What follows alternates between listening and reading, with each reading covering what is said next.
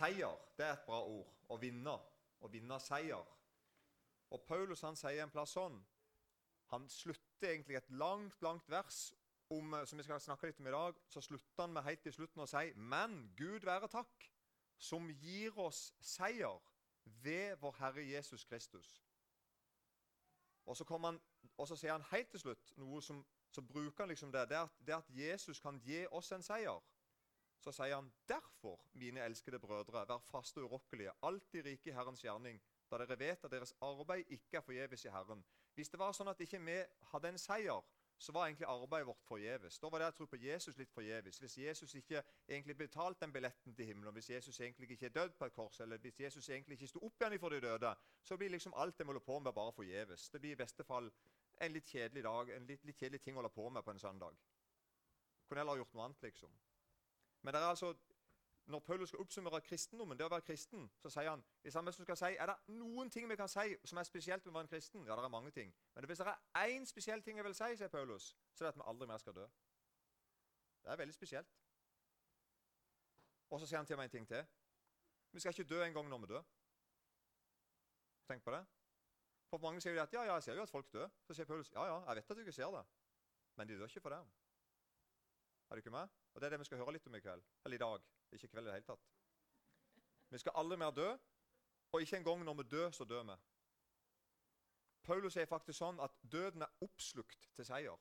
Akkurat som at det, når, når, Jesus vant over døden, så kunne han ta døden og så kunne han gjøre den om til, til og med det til en seier.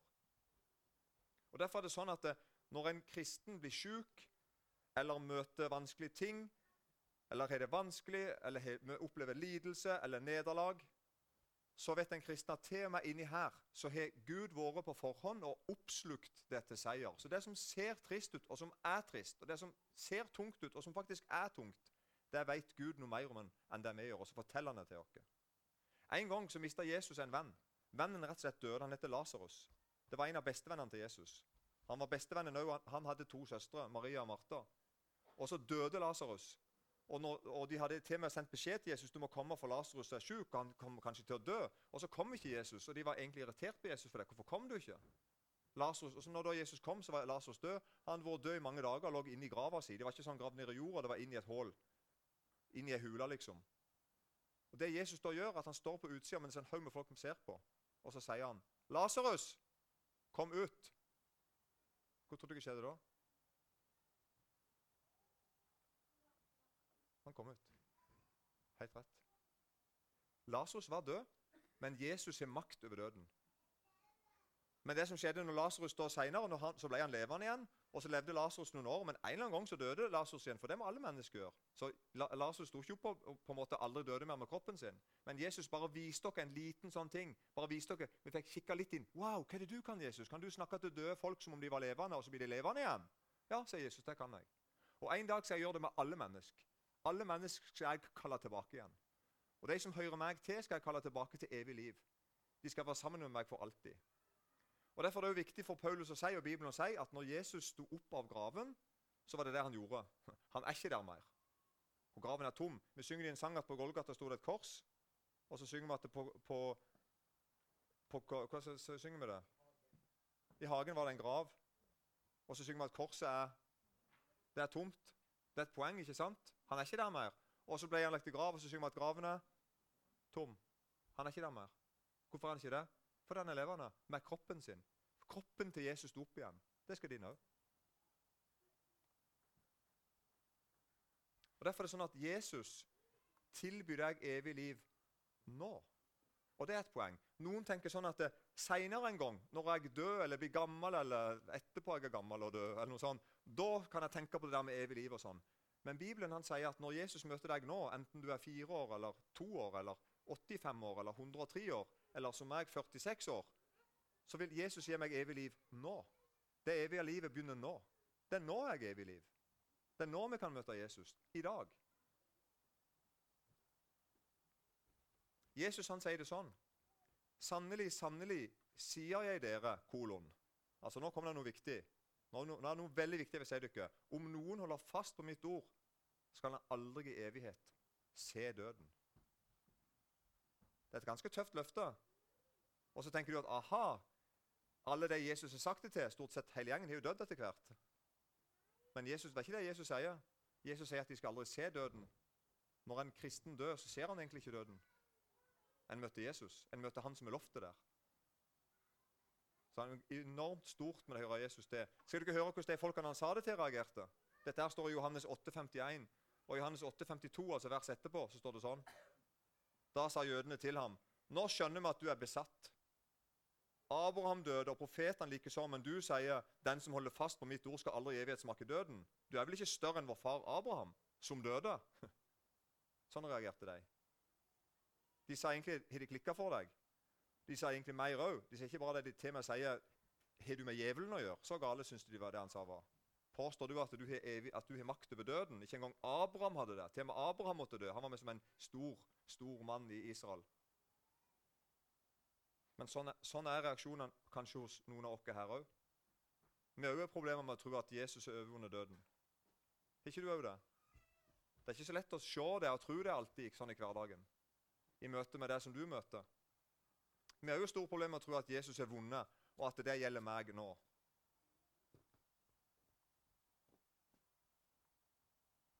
Og Bibelen setter alt inn på dette her da, at Jesus er seierherre. Ikke bare seinere en gang. Ikke bare hvis alt går etter planen. Men Jesus han presenteres som en seierherre som allerede har vunnet. Derfor sier vi sånn Jesus vant. Jesus har vunnet. Det er historie. Det har skjedd. Og I dette her kapittelet vi begynte å lese i 1. Korinterbrev 15, så, gjør, så, sier, gjør Paulus noe enormt viktig. Og Dette er enormt viktig i møte med folk i Norge i dag, som stort sett lærer at Bibelen kanskje ikke er til å stole på. Som har en forståelse av at kristendom er bare for spesielt interesserte. Gud er bare til for spesielt interesserte. Og, og det, det, er liksom, det, er ikke sant, det som står i Bibelen. Når Paulus skriver, når Paulus skriver Korinterbrevet, så sier han sånn For jeg overga dere blant de første ting det som jeg selv tok imot. Og så kommer det en vanvittig viktig rekke her for Jesus. Det er for Paulus. Kristus døde for våre synder etter Skriftene. Hva det vil si? Det vil si at Det gamle testamentet hadde i mange hundre år fortalt at snart skulle det komme en mann født av en jomfru som skulle, som skulle lide og dø på et kors. Og Nå sier Paulus nå har det skjedd etter Skriftene. Alt det vi har lest og trodd på i mange hundre år, det har skjedd. Og Hvis noen vil sjekke det ja, Skjedde det akkurat sånn som, som, eh, som det, det, gamle testamentet sier? Ja, Så ser vi ned til punkt og prikke, så skjedde det sånn. Jesus oppfylte alt det som Det gamle testamentet snakker om. Og så kom det videre. Han ble begravet, og han ble reist opp på den tredje dagen etter Skriftene. Det var til og med profetert at Jesus skulle være død i tre dager og stå opp igjen. Og så sier Paulus at nå har det skjedd. Og det er det jeg har fortalt dere. Nå, nå, og nå forteller jeg det til dere. Og så fortsetter han, og dette er viktig. Og at han ble sett av Kefas, det er et annet navn på Peter. Jesus viste seg for Peter med fysisk kroppen sin, levende i live. Og Han viste seg deretter for de tolv. Deretter ble han, ble han sett av mer enn 500 brødre på én gang. Det er ganske mange bevis. Tenk at det var 500 voksne mannfolk til stede på én gang. Og alle sammen opplevde å se Jesus etterpå han var død og hadde stått opp ifra de døde. Det er ganske utrolig. 500 vitner. Og Når Paulus skriver dette, her, så sier han at de fleste lever ennå. Han sier du kan ringe til dem og spørre. Det er det han sier. Du kan ringe til dem og spørre. Du kan oppsøke dem og spørre. Stemmer det at du, Var du der og så så Jesus sånn og sånn? Ja, ja jeg var der. Altså 500 vitner, det er helt ekstremt. Det må tre vitner til vel, for at vi, eller iallfall to vitner til for at vi skal tro på en ting. Hvis noen påstår på Karmøy har sett noe, ikke sant, så er det greit hvis det er bare mer enn han der rare Løgnersen, naboen din, har sett det. Det er greit hvis det er iallfall ett vitne til, eller to vitner til. Her er det 500 på én gang. Og det er tolv på en gang. Og det er en haug med folk. Og de så han åt og drakk. Jesus sto opp for de døde. Og det er et historisk faktum. Og For Bibelen er dette her veldig viktig. Og Paul, Paulus går så langt at han sier hvis ikke det er sånn, så bare glem alt som har med kristendom å gjøre. Men er Kristus ikke reist opp, da er vår forkynnelse ingenting. Og den troen dere har, er intet, altså ingenting. Da blir vi stående som falske vitner om Gud. Så Bibelen setter alt inn på det. At hvis du er kristen, så betyr det at du har evig liv. Du skal aldri noensinne smake døden, og kroppen din skal stå opp igjen. Er du ikke med? Hvorfor det? Fordi Jesus vant. Han er seierherre. Det er ikke sånn at hvis, hvis, alt går etter planen, så skal dette skje. sant? får vi håpe og be og hjelpe til så godt vi kan. Eller tro så godt vi kan. eller. Det kommer til å skje uansett. Så spørsmålet er ikke bare mer om har du evig liv. Har du hørt når, når Jesus roper inn i livet ditt? Lasarus roper. Er du ikke med? Så har du vært den der døde som hører plutselig Oi, nå roper, der. nå roper en mann til meg, jeg som er død. Og så, nå hører noen rope til meg, og så labber du ut. Og så står vi andre og ser på at der kom du. Du som egentlig var død, men er jo levende. For at Jesus ropte på deg. Det er sånn det fungerer. Og han gjør det i, i kristennivå òg, gjør han ikke vel? Du som har hørt Jesus til mange år. Du hører òg at Jesus roper inn i det døde i deg. Inn i de trege og mørke og triste hos deg. Så hører du Jesus rope inn med sånn livskrefter som du aldri har hørt om før. Seierskrefter, livskrefter. Og han roper på deg. Kom ut, kom her, kom til meg. Jesus har makt over døden. Og Vi ser det flere ganger i eksempler når folk blir helbreda. Og så er vi klar over at de som blir helbreda, kommer til å dø en dag allikevel. Men vi takker for at de blir friske. Og så vet vi at en dag så skal vi se det ultimate helbredelsen. på en måte. At alle står opp igjen. Alle som gjør Jesus. Der er ingenting gråter, det er ingenting tårer der, er ingenting problemer der. Der regjerer Jesus 100% Alt det mørke er vekke. Djevelen er vekke. Synd er vekke. Du har fått evig liv. Du skal være der med kroppen din. Du skal være der med identiteten din. Det er du som står opp og du skal se Jesus ansikt til ansikt. Og Hvis ikke dette er sant, så er jeg en av de største toskene i Norge. Det går ikke an å snakke teitere enn jeg gjør nå hvis dette jeg sier er sant. Hvis det, hvis det, er feil. Men hvis det er sant, så jeg, så, så er det bra. Dette her er det ikke det. Da er det viktig. Litt langt bibelvers her. Men her, Paulus sier i Kolosserbrevet han snakker om Guds kraft som reiste Kristus opp ifra de døde. Og så sier han også dere var døde ved deres overtredelser og uomskårne kjød. Men Gud gjorde dere levende sammen med Kristus idet han tilga oss alle våre overtredelser. Han utslettet skyldbrevet mot oss, som var skrevet med bud. Det som gikk oss imot, det tok han bort da han naglet det til korset. Så kom egentlig siste verset da. Han avvæpnet maktene og myndighetene og stilte dem åpenlyst til skue da han viste seg som seierherre over dem på korset. Så når Jesus sto opp ifra de døde, så tok Gud og så viste han som seierherre over alt. Alle vet det. Alle onde makter, alle gode makter. Alle vet at Jesus er, er seierherre. Og nå vet du det òg. Og Dette er veldig viktig, det, og det må vi forholde oss til. Jeg har en, en veldig god fortelling fra virkeligheten. Uh, min egen virkelighet, faktisk. Jeg må først bare fortelle se, Kan du ikke det spillet her? Kan du ikke det? Kaller du ikke det for Hotello? Ja. Uh, når jeg var 20, så kunne ikke jeg det spillet der. Og det er en viktig del av historien. Um, det er veldig lenge siden jeg var 20 år, da. Så det hadde ikke kommet til indre bygde da jeg var 20. Men jeg var altså på en leir. Jeg var, jeg var 20 år og var, var leirleder og leir ta, var taler på en plass som heter Evjetun. Noen som hørte om den plassen? Sånn, så dette er, en sann, dette er en sann historie. Det er på en sann plass. Uh, og var uh, Vi var nede i kjelleren. Jeg var leder for folk som var ca. ti år. Og Jeg kom fra bygda, fra en plass som heter Eiken. Og På den leiren var det veldig mange fra Kristiansand, og det er byen. Sant? Det var byfolk, og så var det jeg som var fra Eiken. Og de var mange. Og så satt noen av de tiåringene Jeg var 20, jeg var dobbelt så gammel som de. Så satt vi nede i kjelleren på leirplassen. Det her var den gamle kjelleren med mange søyler og stygt gulvbelegg. For ikke som vært der. Eh, det er finere der nå. Så satt, der spilte, satt noen der og spilte et spill, og så spurte de meg vil du bli med. Ja, sa jeg. Det kunne jeg gjerne. Og de var så skrytende, de der tiåringene. De var så, så byfolk. Jeg er i en by nå, forresten. Er det det? Ja, så ok, så, okay da, da da er jeg fra Vea, liksom, og så er jeg kvokkeren. ok? Jeg følte meg som en Vea-bu der. Er det riktig å si? Blir det riktig, eller tråkker jeg inn noe farlig nå? Ja, Glem det. Men poenget var det at, at, det, at de, det, så veldig lett ut. De satt bare med noen knotter som var svarte og hvite, sånn på hver side. Og så var det bare, så at de bare snudde de, liksom. Så kjempelett ut. Og så var det om jeg ville gjøre det. Ja, ja, ja, ja. Og så er vi begynt å spille. Jeg og en fyr til, ti år. Og så satt hele vennekretsen hans rundt. Og vi begynte å spille og tenkte stakkars mann. Dette, de mente til meg de kunne dette her. Og vet du, all, Alt med min farge. Nesten hele brettet begynte å fylles opp med bare min farge.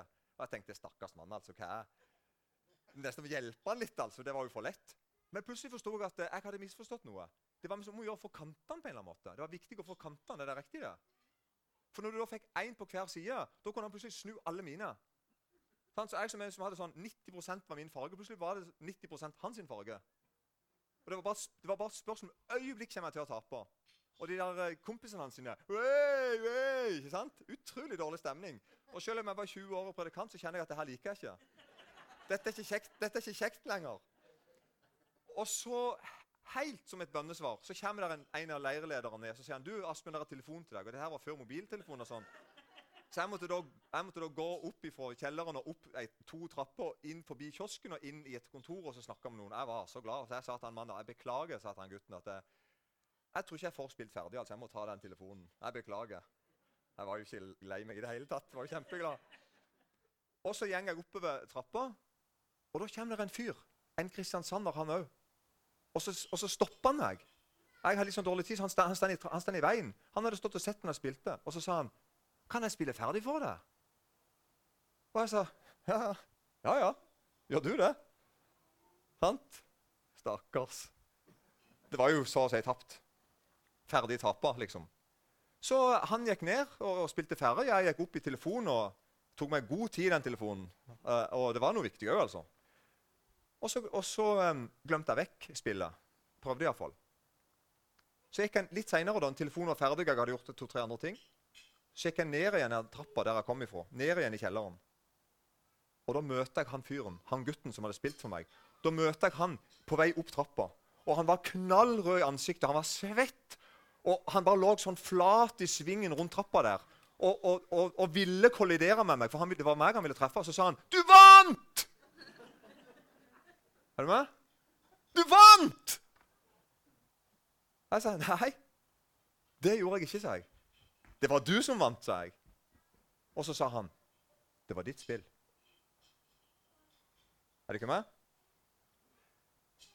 Der er noen folk som tenkte om seg sjøl, om livet sitt, ikke som et spill, ikke som Otello, men som i livet. At jeg skal fikse dette livet sjøl uten Gud. Jeg skal klare meg sjøl, og så skal, jeg, ja, så skal jeg få det til til slutt. Du sitter kanskje her òg, og som opplevde etter hvert at sånn ble ikke livet. Plutselig ble brikkene snudd. Det var ikke din farge lenger. Og du innser etter hvert at dette her kommer ikke til å få til. Jeg kommer til å tape, så det synger etter. Og det er kanskje en gjeng rundt som syns det er litt gøy at du taper for alt jeg vet. Og så er det én som kommer og forteller i dag at han har levd livet for deg. Altså helt på ordentlig. Han gikk inn i ditt sted og levde livet for deg. Alt det du skulle gjøre, det gjorde han. Alt det, alt det du skylder Gud, det han betalt. Alt, du, alt sånn som vi skulle ha vært mot Gud, sånn har han vært mot Gud. Alt det jeg ikke er, det er han. Og så kommer han og spør meg om kan jeg få lov til å leve livet ditt for deg. Kan jeg få lov til å, få lov å leve det ferdig for deg? Kan jeg få lov til å overta stumpene av livet ditt liksom, og leve det for deg? Og så svarer vi ja. Og så kommer Jesus springende imot deg i dag, akkurat inn i din situasjon, akkurat sånn som du har det nå, og så roper han 'Du vant!' Er du med? Det er det vi kristne holder på med til daglig. Vi møter en på morgenen når vi står opp som sier 'Du har seira i dag'. Du har seier over synd, over nederlag, over døden. Og Av og til så sier vi nei, det var ikke jeg som vant Jesus, det var du. Og da svarer Jesus nei. Det var ditt liv. Det var, det var deg jeg døde for. Det var din seier. Noen sier av og til at Jesus han gjorde sitt, men det gjorde han ikke. Han gjorde mitt. Jesus gjorde ikke sitt, han gjorde ditt. Han gjorde det du skulle gjøre. Så vi har en seier over synder. Jeg har en seier over død. Og jeg har en oppstandelse. Jeg har evig liv i Kristus, og jeg er rettferdig. Alt er sånn som det skal være. Alt er i orden mellom meg og Gud. For Jesus er min seierherre. Og hvis han er din, så gjelder det deg òg. Og da er du like så ren som Jesus er ren. Du er like så god som, Gud, som, som Jesus er god. Det er en seier. Og akkurat som med denne, det Otello-spillet, når jeg fikk høre fortellingen om at jeg hadde vunnet, at, at, så, så, var, så, var, spillet ferdig. ikke sant? Det var ikke sånn at det ser ut som du kommer til å vinne. Det var ikke sånn en rapport om at det snart går det bra, men det kan godt gjøre du vinner. Nei, Det er en beskjed om at det, seieren er vunnet. Kampen er ferdig. Jesus har vunnet. Du som gjør Jesus til her inne, jeg, jeg garanterer deg, du skal aldri i evighet smake døden. Jesus sier det, han Du skal aldri smake døden. Jesus har smakt den for deg. Du må nok dø en dag, men du skal slippe å smake døden. Jesus har smakt den for deg. Du har evig liv.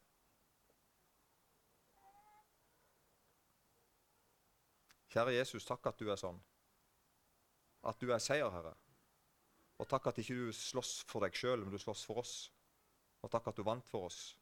Takk at du døde for oss. Takk at du var død for oss, og takk at du sto opp for oss, og takk at du i dag lever for oss. Det priser vi deg for. Amen.